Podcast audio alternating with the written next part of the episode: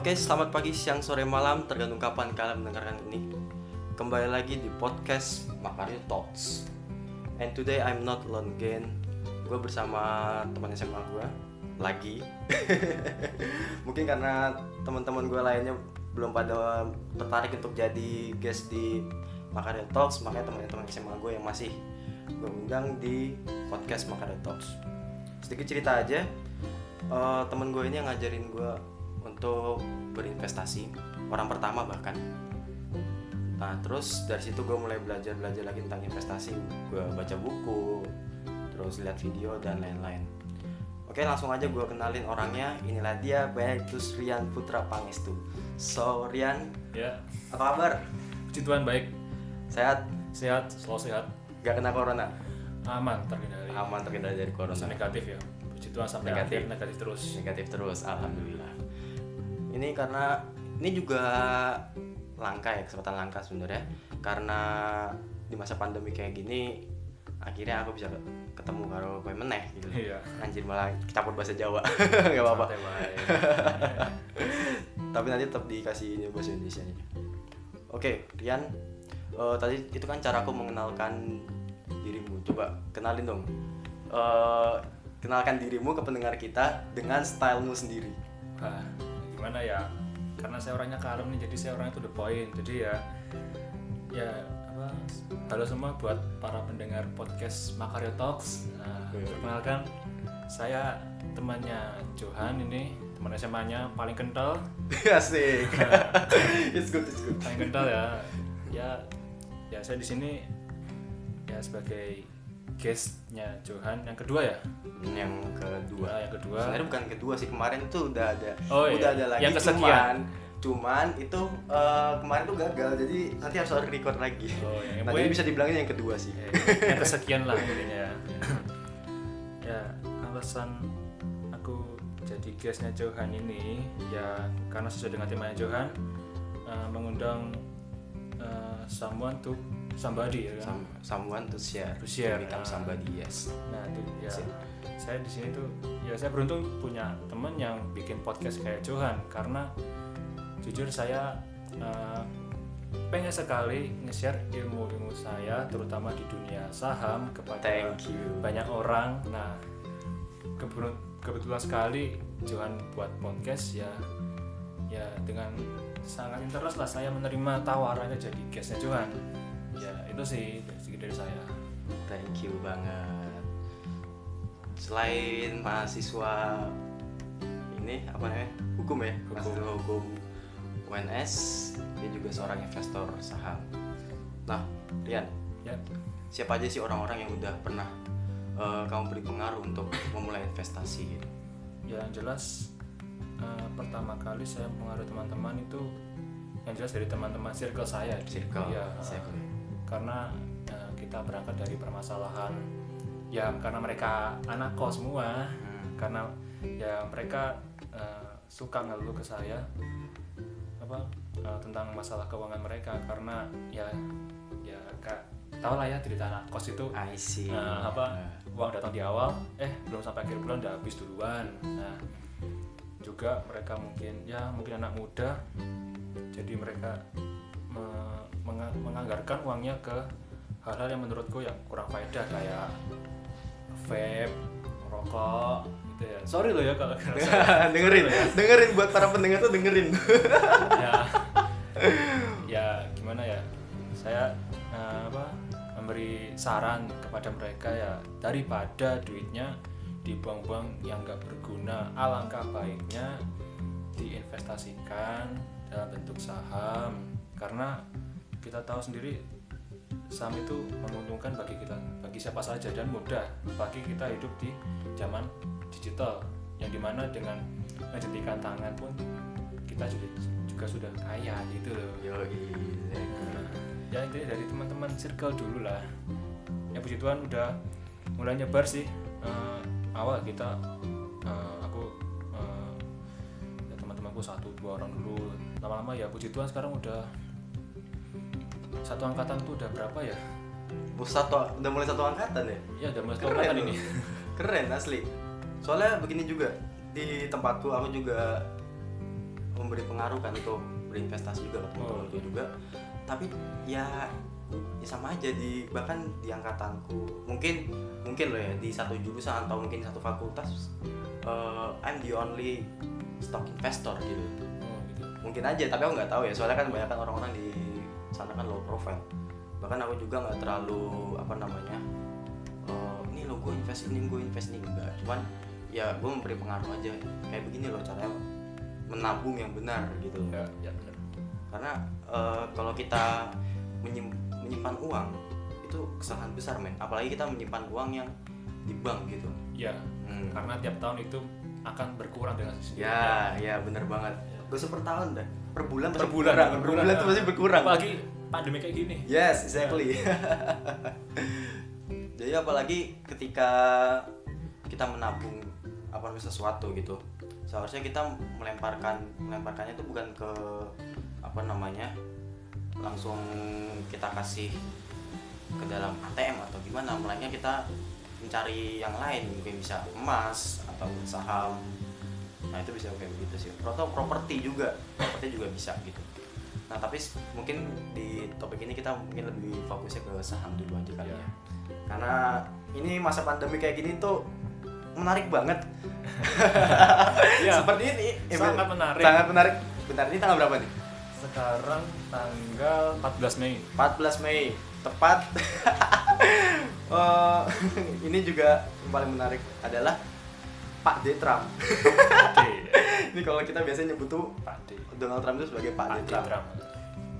Ini itu itu orang yang paling powerful ya kayak di dunia itu. Tweetnya dia. Sampai sekali dia nge-tweet itu langsung bisa bikin bikin pasar tuh anjlok semua. Pasar dunia lagi. Iya pasar dunia lagi. Aduh. Gila. gila. Ini buat siapa pun yang dengerin ini makanya tadi gue, gue sebutin tanggalnya karena biar kalian tahu-tahu siapa iseng bisa ngecek gitu ada apa di tanggal 14 Iya. Mei 2020 ditambah masih pandemi kayak gini. Eh dia nge-tweet. Iya. Tweetnya itu kayak Thanos itu loh, cari snap itu, aduh bener-bener yang namanya saham itu udah mau naik itu, wah, see. down lagi, aduh, turun. Langsung turun banget. Turun banget. ini menarik banget sih. Apalagi pada saat pandemik itu awal-awal ya itu ini aku juga share karena kita mengalami ya Iya kita mau. Eh, waktu itu harga IHSG itu masih 6000 kala itu Enam ribuan. nah.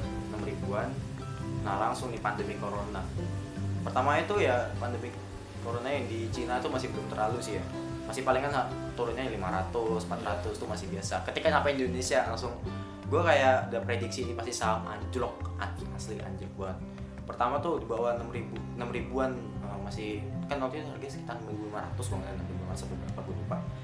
Itu habis itu jatuh ke 6.000 6.000 udah mulai jatuh ke 5.000 5.900 sekian. Terus turun lagi turun turun turun turun sampai akhirnya tuh harga terakhir nih di jam berapa nih? Ya jam Iya, 3an Closing ya. closing itu harganya tuh sekitar 4.500an kayak ditutupnya melemah sih pasti. Gara-gara Pak Trump itu. Iya. Oke Yan, pertanyaanku adalah ketika kamu mulai investasi saham, nah kamu lebih fokusnya ke investasinya atau ke tradingnya? Ya, ya berangkat dari itu karena dulu pas pertama kali saya berniat pengen apa bermain saham, menabung saham maksudnya, ya saya belum mengenal yang namanya trading. I see. Nah, untuk itu saya ya belajar otodidak dari banyak belajar baca buku dari ya dari apa YouTube YouTube itu tentang investasi. Akhirnya setelah dirasa pengetahuan saya cukup, nah, akhirnya saya memberanikan diri untuk menabung saham itu. Jadi eh, mulai dari situ saya mengenal apa istilah trading itu. Hmm. Nah, saya juga sempat baca juga di berbagai sumber apa sih itu trading. Nah, setelah dibaca, emang sih apa trading itu hampir sama kayak saham, tapi eh, karena apa? Karena saya masih modalnya minim, eh, karena apa? Takutnya ruginya banyak di awal. Nah, karena kita tahu kan trading itu sisi negatifnya eh, ya mudah naik udah turun udah turun nah sementara kalau kita saham saham itu kan investasi investasi ya buat jangka menengah buat jangka panjang. Nah itu misalnya kalau harga pasar sedang mengalami gejolak don't worry karena itu juga nggak bakal ngaruh untuk ke depannya untuk 5 sampai 10 tahun ke depan karena itu pasti akan naik. Beda dengan halnya dengan trading. Kalau trading kita tuh berspekulasi. Apa? Kita nggak ada yang tahu harganya satu detik ke depan naik atau turun. Nah ya apa kalau misalnya kalian mau trading nih ya ya pastikan kalian juga punya intuisi atau kata hati yang udah jalan gitu. Jadi Ya, bener jangan asal nekat jangan asal punya modal gede kalian berani main trading. Tapi yang penting itu pengetahuannya sih. Itu sih karena aku tuh juga pernah baca bukunya Miss Ellen. Hmm? Eh, beliau menulis di bukunya itu trading itu 70% itu bukan analisis ya malah analisis itu cuma 30% jadi yang namanya stokastik terus Plastik, ya. apa tuh? Oh, gue lupa ya udah lama juga. itu lah istilah-istilahnya itu ya. Siapa gitu. Itu udah lama juga nggak nge trading sih. Asli nggak udah lama nggak trading nah yang 70% itu lebih ke psikologi psikologinya dari trader dari tradernya itu sendiri. Nah eh, seperti yang kita tahu di saham itu kan ada yang namanya blue chip ya saham blue chip terus saham second liner sama third liner juga ada Nah, buat informasi aja ke teman-teman pendengar, saham-saham blue chip itu yang sahamnya itu asetnya sudah di atas 10 triliun. Kayak ini ICBP, CBP, terus BRI BRI, BCA, ya gitu oh, banyak lagi ya. Sama gudang garam juga. negara yang dikenal baik lah sama yang masyarakat dikenal baik sama masyarakat gitu. Nah, tapi sayangnya, nih sayangnya ya, eh, tiap saham-saham itu punya yang namanya tuh fundamentalnya sendiri-sendiri gitu. Punya laporan keuangannya beda-beda gitu.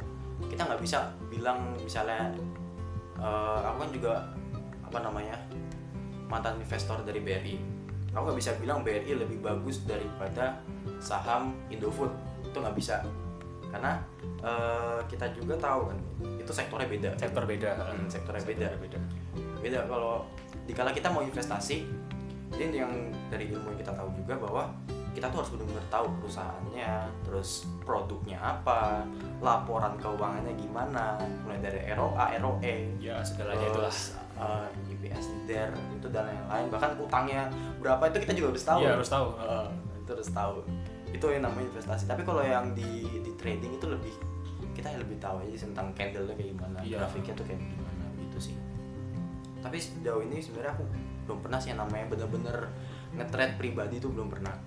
Palingan ya cuman iseng-iseng lihat rekomendasi dari grup ini dari grup sekuritas kita kan. Ya dari grup sekuritas kita terus waktu itu aku inget banget itu ada Ciputra. Itu Ciputra aku iseng-iseng aja kebetulan kan waktu itu harga lagi murah. Ciputra nih lagi bagus. Yaudah belilah. Beli eh ternyata bener. Naik. Iya ya Aduh Ciputra tuh naik.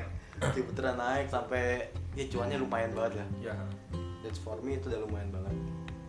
Terus pernah juga Indofood juga pernah Indofood. Kalau gitu awalnya Indofood pengenku sih lebih kayak jangka panjang ya. Cuman sama eh, orang sekuritas kok gitu suruh jual. Ya udah lah, jual aja. Kita lebih kayak emang itu sih psychology tradingnya tuh kayak gimana. Iya. padahal waktu itu pengennya invest tapi sama dijual aja. Soalnya harganya se- selama lima tahun tuh udah tinggi banget ternyata. Iya sih.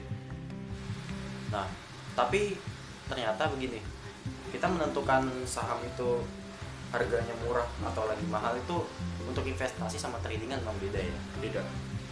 Kalau di apa namanya investasi kita biasanya ngeceknya dari PBV, PBV ya namanya PBV singkatan dari per- jelasin dikit price price book value, Nah, price book value. dong Prospect value gitu ya. Nah, terus kalau di tradingnya ya kita tinggal lihat candle candle Candle-nya aja, kita lihat grafiknya aja gitu. grafiknya aja nah, harga tiga tahun yang lalu gimana harga lima tahun gimana atau mungkin harga historicalnya ya harga kemarin ya Kemarin gimana, ya. Heeh, itu tergantung banget. Ya. Nah seperti yang kita tahu kita itu kan udah ngalamin krisis yang cukup banyak ya. Ya. Yang dimulai dari dulu tuh tahun 98 aku pernah lihat IHSG itu cuman IHSG ya gabungan dan mati ya. Itu harganya cuman saham ya itu cuma 500an ya jangan segitu ya. Itu juga udah gila banget tuh. Sama kayak 500 gila. 500 terus singkat cerita 10 tahun kemudian 2008 krisis lagi, Krisis lagi. itu gila gila banget emang. Zaman itu kita nggak ada yang tahu kan. Begitu apa namanya udah. Waktu itu umur 98 kan 98 kita belum lahir belum belum. Kayak tuh eh I think my parents still dating waktu itu masih pacaran. Terus apa namanya tahun 2008 waktu itu masih SD kelas 2 kali. Kelas dua tiga lah. Kelas 2 Ah, kelas 2 kelas 3 gitu ya kita ya. Udah kelas 2 kelas 3 itu kita nggak tahu tuh. Itu ternyata krisis juga. Nah ditambah tuh sebenarnya tuh ada lagi yang kita nggak tahu tuh ada krisis krisis tahun 2000 cuman aku agak lupa eh, apa namanya detailnya kayak gimana waktu itu yang bilang krisis tahun 2000 itu si Andika Sutoro Putra. Itu inspirator gue juga tuh. Sutoro ya. Sutoro orang ya. Eh, investor yang investor sebenarnya yang investor yang paling yang yang inspirasi. investor masih buat milenial ya, milenial milenial. milenial investor. Nah Yan eh, kalau dari kamu sendiri tuh apa nih saham yang suka bu invest Jadi gini, eh, saya melihat kalau dari saham tuh ya perusahaan-perusahaan tuh yang tiap hari tuh transaksinya tuh selalu ada. Maksudnya, Transaksi ada eh, maksudnya apa ya? eh, selalu ada dan eh, sangat dikenal baik oleh masyarakat. Jadi ya untuk ini ya untuk apa para pendengar nih ya yang mau buka saham yang udah ya paling nggak punya modal dikit lah ya. Saya saranin ya eh, cobalah dibuka apa nyoba di bagian perbankan. Perbankan. Perbankan. Kenapa perbankan? Karena kalau coba deh kalian iseng-iseng deh buka di Google coba aja cari sahamnya BBCA lah BBRI Mandiri lah. Pasti itu kalian lihat year of year-nya itu harganya pasti naik terus. Karena apa? Ya karena apa? Karena eh, yang pertama tuh emang dikenal baik emang sahamnya emang dari sananya udah blue chip. Terus eh, setiap tahun tuh pendapatannya naik terus labanya naik terus. Laba naik terus. Nah, dan eh, setiap bank itu pasti ada ngadain yang namanya promo-promo yang menarik nasabahnya untuk membuka rekeningnya di mereka apa apa, menggunakan jasa produk mereka yang otomatis eh, mengundang men- apa menarik daya investor asing untuk berani menanam sahamnya di di perusahaan bank tersebut gitu sih kalau tips dari aku. Tapi sayangnya kita kalau misalnya buka rekening di satu bank itu nggak pernah tanyain ya kayak punya punya sahamnya bank juga. ya sayangnya nggak pernah ditanyain tuh. siapa tahu dikasih apa atau gitu. dikasih lebih gitu ya bonus Ah, itu ya. ah, dikasih bonus apa gitu tabungan berapa kayak dikasih kayak gitu. Ternyata enggak. Ya, mungkin mungkin beda itu mungkin sih ini da- misalnya kalau ada orang perbankan yang ini yang mendengarkan ini mungkin bisa ya kapan atau kalian punya Eh, menarik orang untuk juga invest di saham kalian gitu loh. Karena apalagi kita kan orang Indonesia masa aneh aja gitu kita nggak beli saham dari negara kita sendiri Iya. saham perusahaan kita sendiri gitu. Karena banyak juga tuh perusahaan-perusahaan yang sebenarnya udah dikuasai asing salah satunya dari Indosat gitu. Mayoritas sih. Dikuasai asing. Mayoritas sih. Mm-mm, dikuasai asing. Nah di situ eh, kita yang harusnya orang Indonesia yang punya saham itu, tapi malah banyakan asingnya Banyakan asingnya. Nah, dari persentasenya tuh kita dikit maksudnya kita dikit. Apalagi ya se- secara share juga, tiap ini kan beda-beda juga kan apa namanya. eh, emang udah ada yang dikuasain sama pemiliknya, terus ada dikasih ke orang luar juga, sama yang lain juga masih dikasih. Gila. apalagi dulu tuh pas Ciputra ya aku sahamnya Ciputra kebetulan waktu itu yang punya juga itu aku beli sahamnya beberapa saat setelah itu yang punya meninggal. Itu yang punya meninggal itu malah bikin saham itu naik juga loh. Ngaruh ya? Ngaruh lo ya? Ah, jadi apa pun tuh ngaruh. Ketika kita ini eh apalagi yang buat yang orang-orang yang mau trade ya. Itu ketika apa namanya pernah ada bahasanya itu buy on issue sell on sell use, on use. iya benar Gue sih tahu banget yang pasti tahu tahu lah yang pasti main saham tahu pasti. Pasti main saham pasti tahu kalau kayak gitu bahasanya trading gitu tapi ya kita apa namanya eh di kala apalagi sekarang lagi krisis banget ya. Ya di kala ada krisis kayak begini terus orang-orang besar tahu-tahu ya suka aja bikin apa namanya geger se satu dunia Iya. ada juga tuh ini sebelum Trump juga tuh ada pas beberapa minggu yang lalu apa dua minggu yang lalu lupa itu Warren Buffett investor terbesar se dunia Ah, ya ya itu udah bapaknya itu. bapak bapak investor kalau gitu Eyangnya kita. Ah. itu bikin apa itu ya gue sempat ya bikin pasar mengguncang juga ya Iya. itu dilakukan sama terus sama saham-saham penerbangan itu dilepas Dilepas sama dia juga penerbangan. Buffett gitu karena begini juga ya eh, untuk para calon investor juga kalian mendengar ini terutama ya. Kita tuh nggak bisa yang namanya tuh benar-benar kayak ya lu yakin sahamnya tuh bakal baik juga. Terkadang kita juga harus perhatiin tentang krisis ini gitu. Kita emang terkadang emang harus yang namanya melepas saham dulu gitu karena untuk menyelamatkan uang kita. But that's not trading gitu. Ya, bukan trading bukan trading ya. Karena kalau ketika apa yang kita menjual yang membeli menjual kalau trading kan emang fungsinya untuk cari Iya. cuan Ah, gitu cari cuan. nah, nah, sedangkan untuk di invest ya emang kita mau uang kita bekerja gitu Kerja.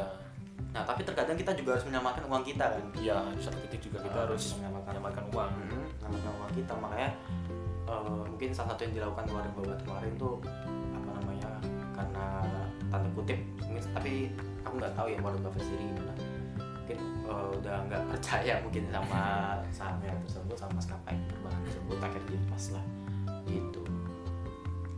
Nah tapi dari kamu sendirian udah pernah belum sih yang namanya tuh eh, neliti ini analisa laporan keuangan? Wah, ya karena saya emang dasarnya akuntansi nih ya dari keluarga akuntansi udah, dia- udah diajarkan dari kecil itu yang namanya analisis keuangan. Jadinya sebelum saya apa membeli satu satu lot saham di satu perusahaan itu ya meskipun itu perusahaan itu baik ya bagaimanapun juga saya harus cross check dari analisis teknika dan fundamentalnya juga dari berbagai sektor berbagai analisis juga. Karena ya kita tuh apa menabung saham tuh bukan sekedar menabung. Justru kita situ diajarkan bagaimana kita menghargai sebuah yang namanya proses dan namanya ilmu itu berguna bagi kehidupan kita gitu. Mengelola keuangan ya. Mengelola keuangan ya. Karena jujur aja sih ya eh, aku kan keluargaku nggak ada yang namanya investor nggak ada ya. Ya. I'm the first investor in my family. Wow. Because of you. Aduh. Kok saya terbang ya? Fly. Because of you I'm the first investor in my family. Really? Makasih makasih. aduh sebenarnya untuk jadi investor saham itu ternyata gampang ya. Kita cuma tinggal hubungin orang sekuritas bikin RDI itu rekening apa namanya sih?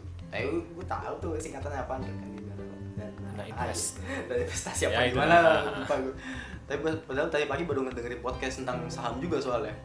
Nah eh, tinggal bikin RDI ya sama modal yang mau kita tanamin berapa ya udah terus kita ini apa namanya eh, investasikan ke saham tersebut gitu loh. Tapi jangan khawatir juga Eh, biasanya tuh orang awam tuh taunya tuh yang namanya investasi saham atau trading ya itu butuh modal besar. Ya perspektif kuno itu. Perspektif kuno ya. Sebenarnya tuh enggak. Enggak. Ketika kita mau menabung saham kita bisa dengan modal 100 ribu aja itu udah kita bisa beli macam Ah, ah, udah bisa udah punya perusahaan loh kita udah bosnya loh. perusahaan. dengan duit 100 ribu anda adalah Udah seorang pemilik perusahaan. perusahaan, camkan itu ya. Eh, karena membeli saham itu sama dengan Membeli beli perusahaan. juga. Gitu ya ketika eh, apa ya? Ini aku pernah baca juga di Instagram sih. Eh, waktu itu ada orang tuh cerita kayak gini eh kita nongkrong di Starbucks yuk. Ada satu orang balas oh lu mau nongkrong di kafe gua? Kafe lu sejak kapan Starbucks jadi kafe lu? Lalu lu emang nggak tahu ya kan saham saham saham kayak Starbucks terus tempat-tempat kafe lain itu kan bisa dibeli ya lu emang gimana? Nah, saham itu kan karena udah, IPO gitu udah ada IPO ini apa ya besarnya gitu loh. Dan kita bisa membeli saham itu.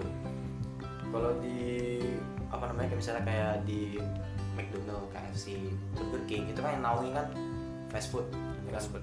nama perusahaannya apa ya? PT Fast Food Indonesia. Buat Ada, sahamnya iya, ada. FAST FAST, ya. FAST Iya, Fast iya. saya tiap hari mantap itu. Ya iseng-iseng. Iseng ya. Tapi kayaknya tuh sahamnya mungkin lagi anjlok karena kemarin ditempa isu McDonald ini ya. Sehari. Sorry. sorry. itu baru tutup itu. Aduh. Gue gak tau sih kemarin soalnya aku nggak aku cuma perkiraan doang tapi aku nggak ini apa namanya eh, ngecek harganya berapa gitu. Tapi setahu aku harga masih murah sih. Ya belum semahal ICBP ya masih terjangkau lah ya. Masih terjangkau. Tapi aku nggak setahu aku tuh yang saham dengan sektor apa namanya makanan gitu yang paling mahal setahu aku tuh masih ICBP juga. JPP itu. Masih mahal. Tapi lucunya begini. Indofood itu kan kepala ini apa ya bapaknya ibaratnya ya bapaknya dari ICBP tapi lucunya adalah ICBP tuh harganya lebih mahal dibanding Bapaknya. bapaknya gitu loh. INDF INDF. saham Nah, sahamnya ini Indofood. Indofood itu. Nah teman-teman kalau yang nggak tahu IC apa Indo, Indofood CBP itu apa itu adalah eh apa yang perusahaannya itu yang menyelamatkan kita terutama anak kos. Anak kos. Kalian tuh nggak mungkin yang namanya nggak makan indomie. Ada bencana apa ICBP garda terdepan. Pasti mie dulu. Mie dulu ya gitu. Yang langsung dikeluarkan gitu. apa apa ada bencana ya pasti mie dulu. Asli. Eh, eh, eh, pasti nggak bohong itu. Asli. Karena aku pengalaman juga ya waktu itu pernah pas lagi bencana apa ya Palu apa banjir aku lupa. Tuh tahu banjir langsung aku prediksi ini saham nih pasti naik. Langsung jebler beneran naik ya gimana di sisi lain juga kita prihatin sama musibah di sisi lain kita juga senang karena saham kita naik. saham kita naik. Ya. Ya gitulah. Ya kan juga happy lah pastinya unik juga sih tapi ternyata teknik saham itu adalah salah satu cara di mana apa ya pengusaha-pengusaha itu untuk mempertahankan karyawannya gitu. Karyawan-karyawan terbaik terutama ya. Waktu itu pernah pas aku ikut SPM di Semarang. Ini eh, pematerinya jelasin gitu. Cara-caranya ini apa namanya harusnya ya seorang leader dari perusahaan itu yang terutama perusahaan TBK itu harusnya kalau mau beli mau apa memberikan bonus kepada karyawannya itu jangan dikasih bonus misalnya dilebihin gaji 5 juta 10 juta tuh jangan digituin kasih aja sahamnya gitu loh. Iya sih itu bikin loyal juga. Iya. why? Karena ketika dia si karyawannya itu kerjanya jelek ikut sahamnya kan pasti kan turun iya ketika dia kerja bagus sahamnya naik, Sahamnya naik, ya. Eh, jadi dia tuh ibaratnya Jadi win-to-win keikat. solution. Eh, win-win solution jadi keikat sama perusahaannya itu Ikat, nah. ini tekniknya kagak kotor tapi ya bagus bagus nah. ya istilahnya ya win solution, solution itu tadi yes exactly saling menguntungkan gila dari saham sendiri tuh sebenarnya tuh banyak ya cuman kalau kalau tadi tentang investasi nah sedangkan kalau trading sendiri itu kita nggak perlu tahu sebenarnya sahamnya itu apa yang dijual produknya apa yang Ya, penting kita tahu aja teknikal kita analisis teknikalnya aja gitu loh. Dari itu dari yang yang nggak tahu analisis teknikal itu ya kita lihat apa grafik-grafik sebelumnya itu Exactly. gitu ya. Kemarin kayak gimana gitu.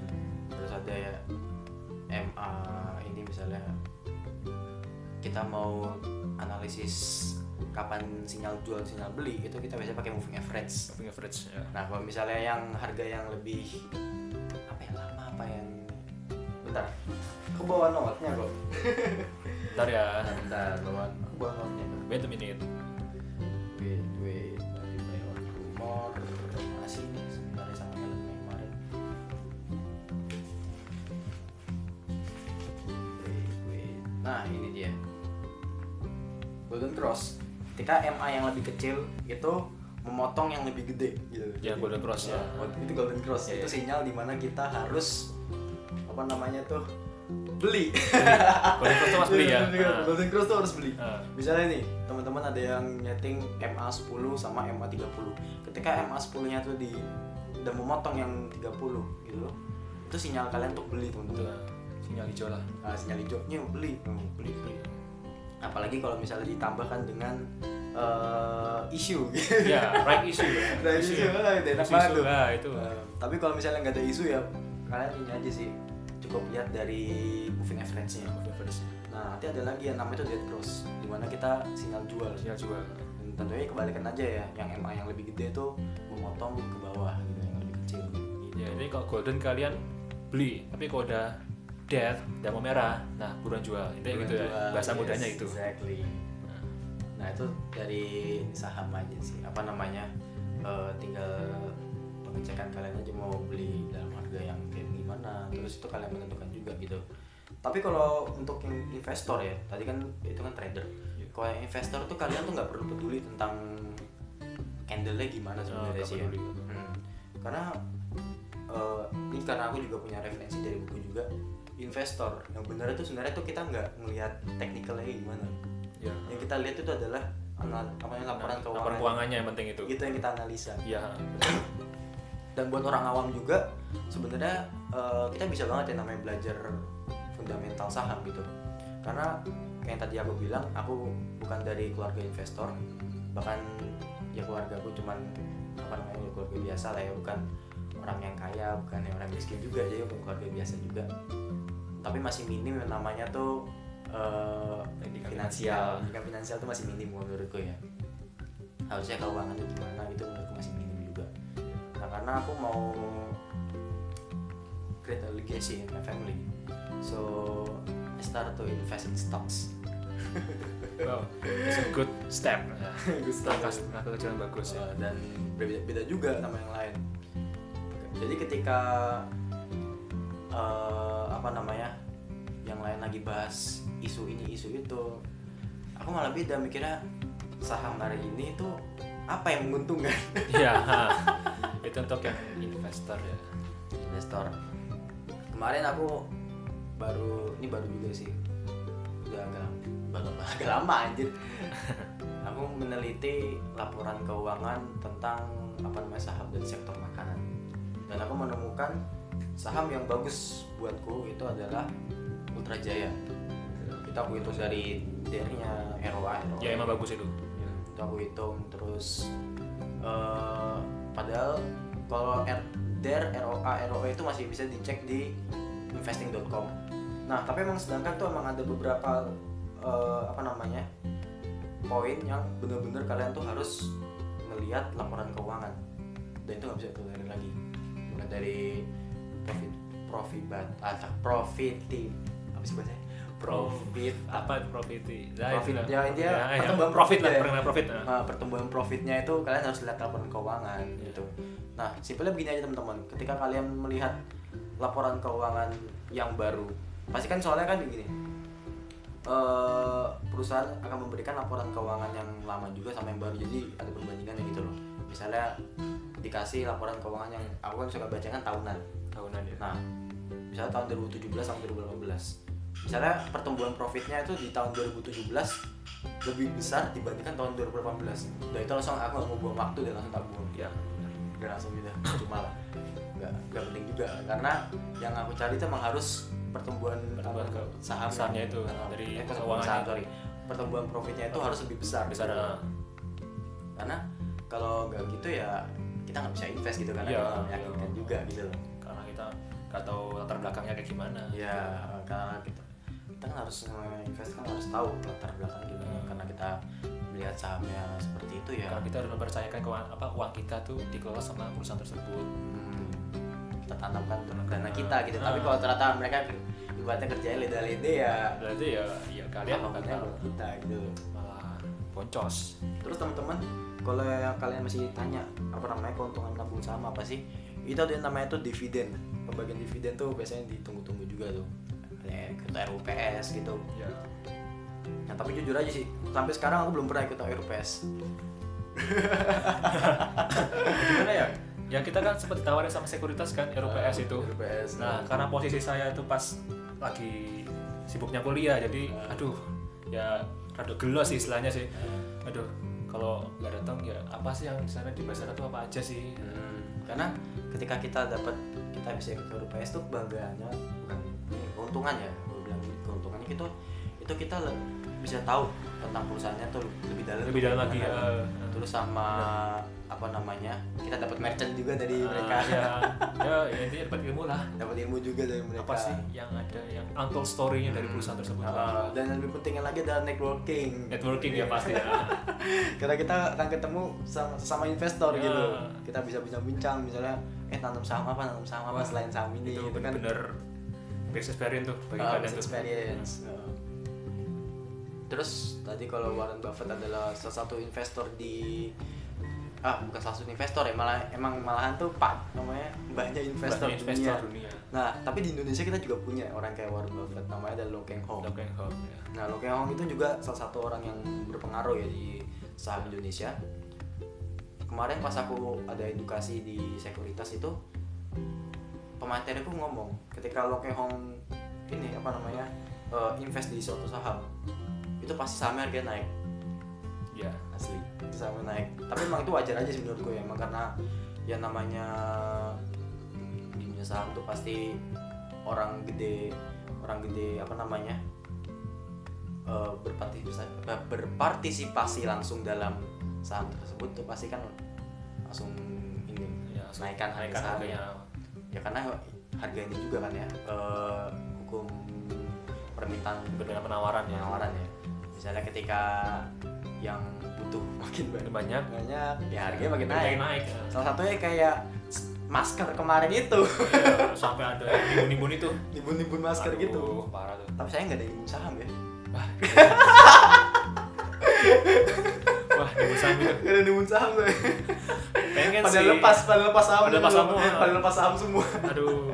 Tapi nggak ada nimbun saham. Nah, justru itu yang positif malah. Nimbun masker Nah, tapi- masker. Tapi ketika krisis kayak begini sebenarnya eh, saham-saham di kesehatan perusahaan-perusahaan kesehatan tuh justru yang naik-naik juga gitu ya. Karena masih Dibutuhkan. ya kan dibutuhkan juga. Kayak yang tadi aku bilang juga uh, buy on issue sell on news gitu. Ya. Nah, ketika isunya apa namanya lagi butuh masker gitu perusahaan masker TPK misalnya itu pasti ramai yang Ya. invest juga kan. Karena wah ini pasti ini duitnya. Dibutuhkan. uh, karena duitnya masuk terus masuk terus uh, otomatis naik naik sahamnya gitu. Tapi ini juga sebenarnya kalau di masa seperti ini ya eh, ini adalah yang kalau kata Pak Long Keng Hong itu adalah saat-saat yang paling bagus untuk kita membeli sebuah saham. Why? Karena di situ kita bisa mendapatkan saham dengan fundamental yang bagus tapi dengan harga yang harga murah, murah. Eh, kan jarang-jarang dan ini jarang-jarang tuh apa yang blujuk-blujuk kan biasanya mahal tuh. Ah, nah, mumpung ini pandemi kan ya lagi pada turun ya karena apa analisis juga bagus ya kenapa sih nggak beli? Ah, Nah, I see exactly.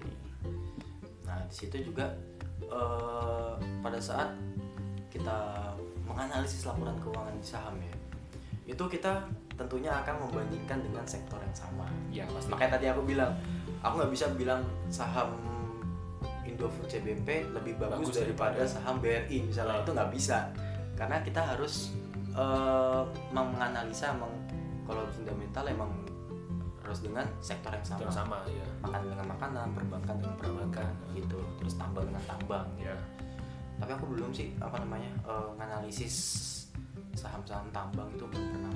ya saya juga belum pernah sih soalnya saya juga belum mendalami apa apa sih yang ada di perusahaan tambang itu apa. Sebenarnya bisa aja sih, bisa. Cuman males aja tuh buat laporan keuangan. iya. Karena gimana ya yang ada pasti tuh ya yang yang dari apa makanan perbankan tuh pasti naik udah pasti naik. Makanya saya lebih belajar di situ sih. Yang nambang ya nanti dulu aja lah.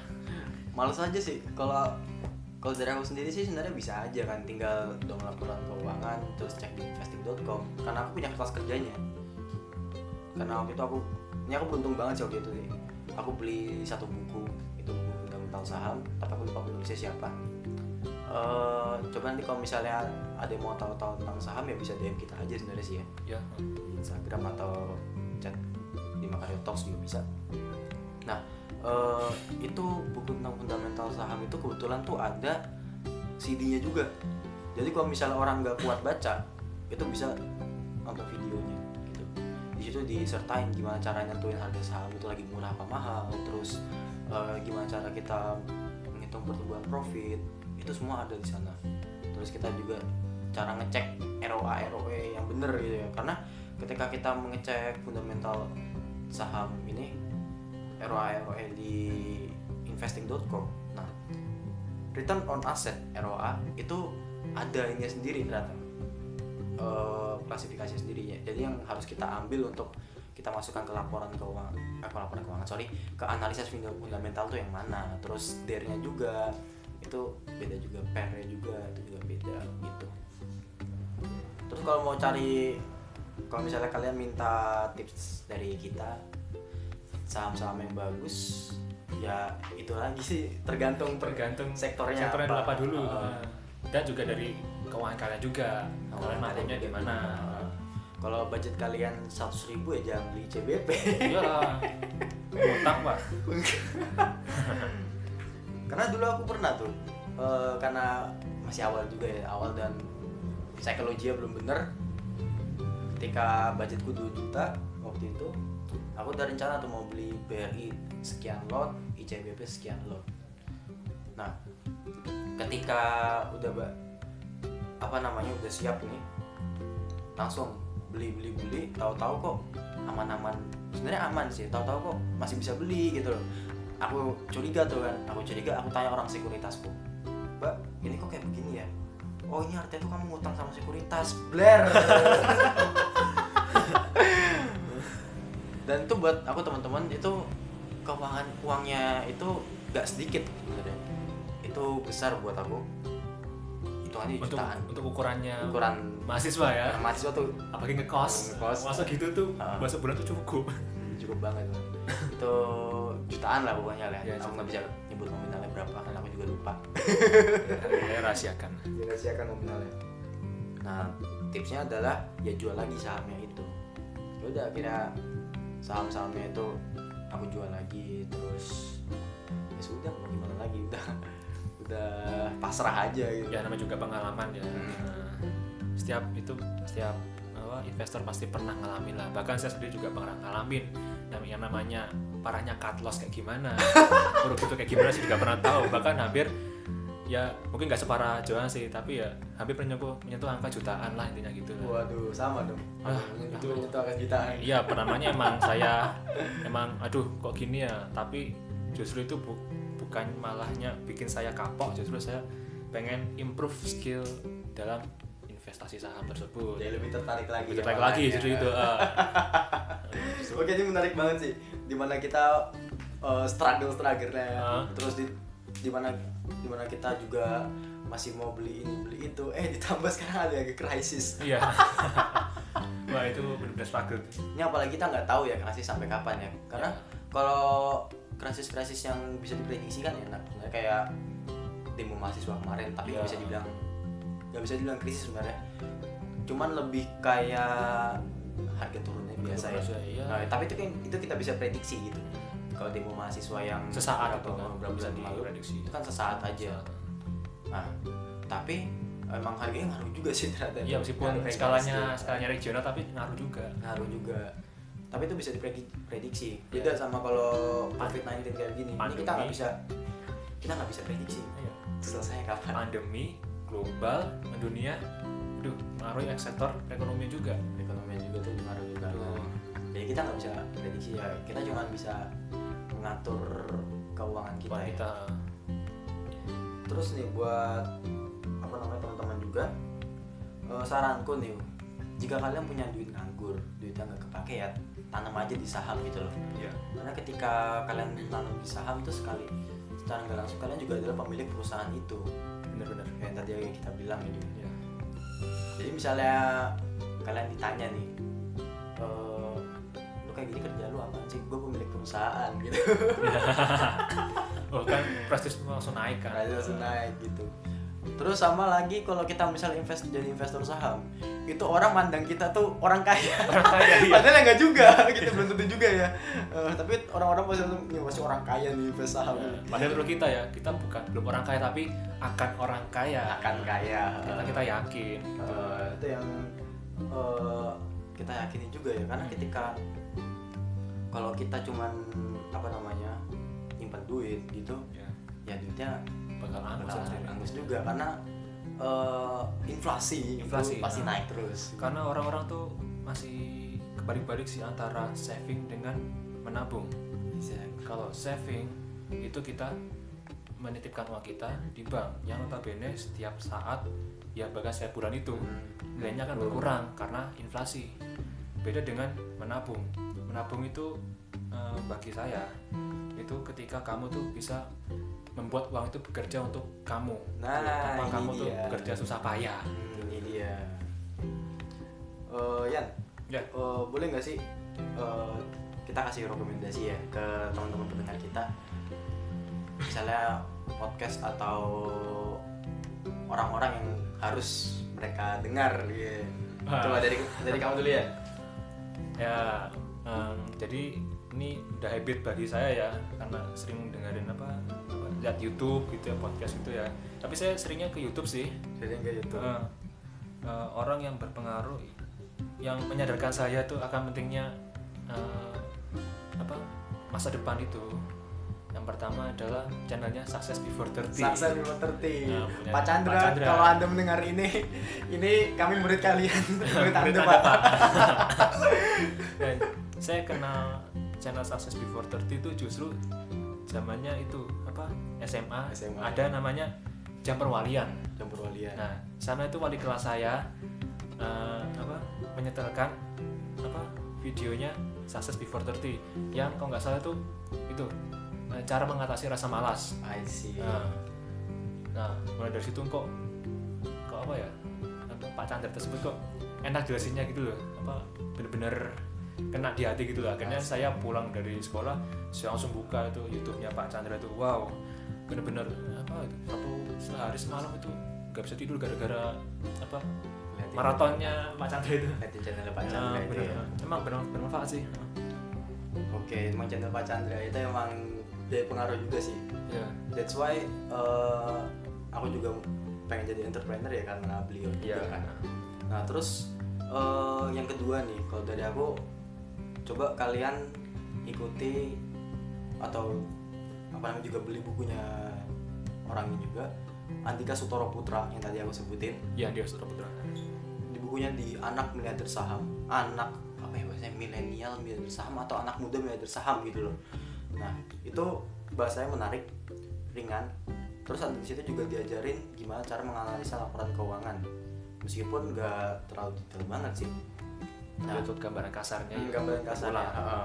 terus gimana cara yang diajarin juga cara mengatur keuangan itu gimana itu juga diajarin.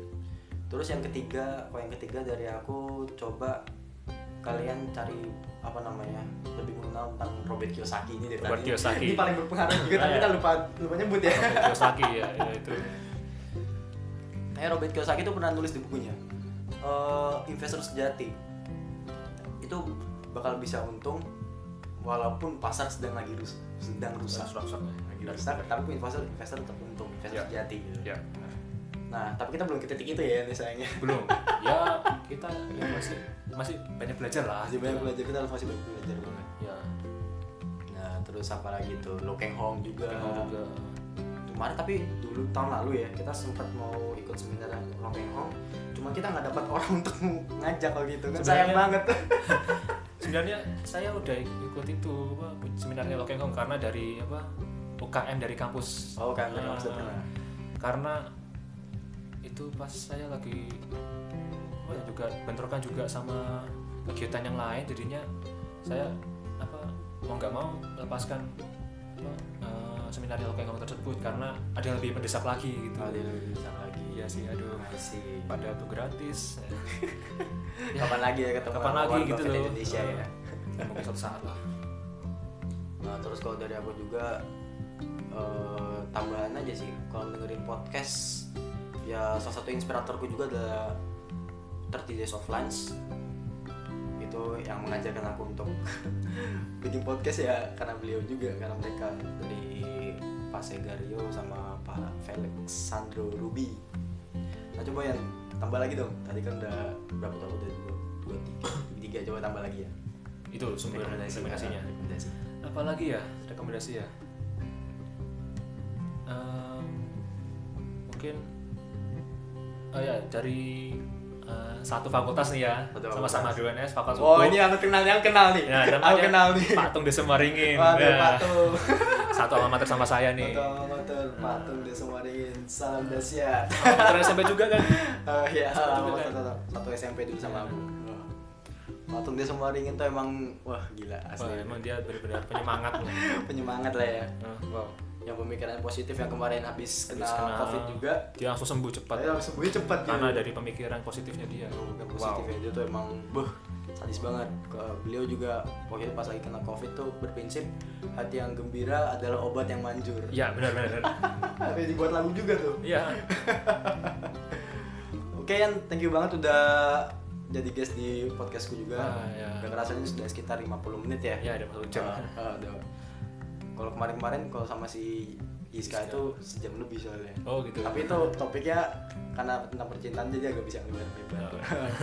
nah kita kan sekarang fokusnya kan investasi saham, Saham, ya. makanya eh, kita bahasnya di circle-circle saham aja gitu Eh, buat teman-teman pendengar yang mau tahu tentang Rian itu bisa di mana ya Dia bisa dikepoin aja ke Instagram saya di @ryanbenedict underscore atau enggak di Twitter saya. Nah di Twitter saya tuh banyak tuh yang nanyain apa kapan kak bikin thread tentang saham-saham banyak banget di DM tuh. asik Nah, untuk itu gila gila kayak Ada- lebih rekomend di, di Twitter sih di kayaknya Twitter lah, karena banyak itu.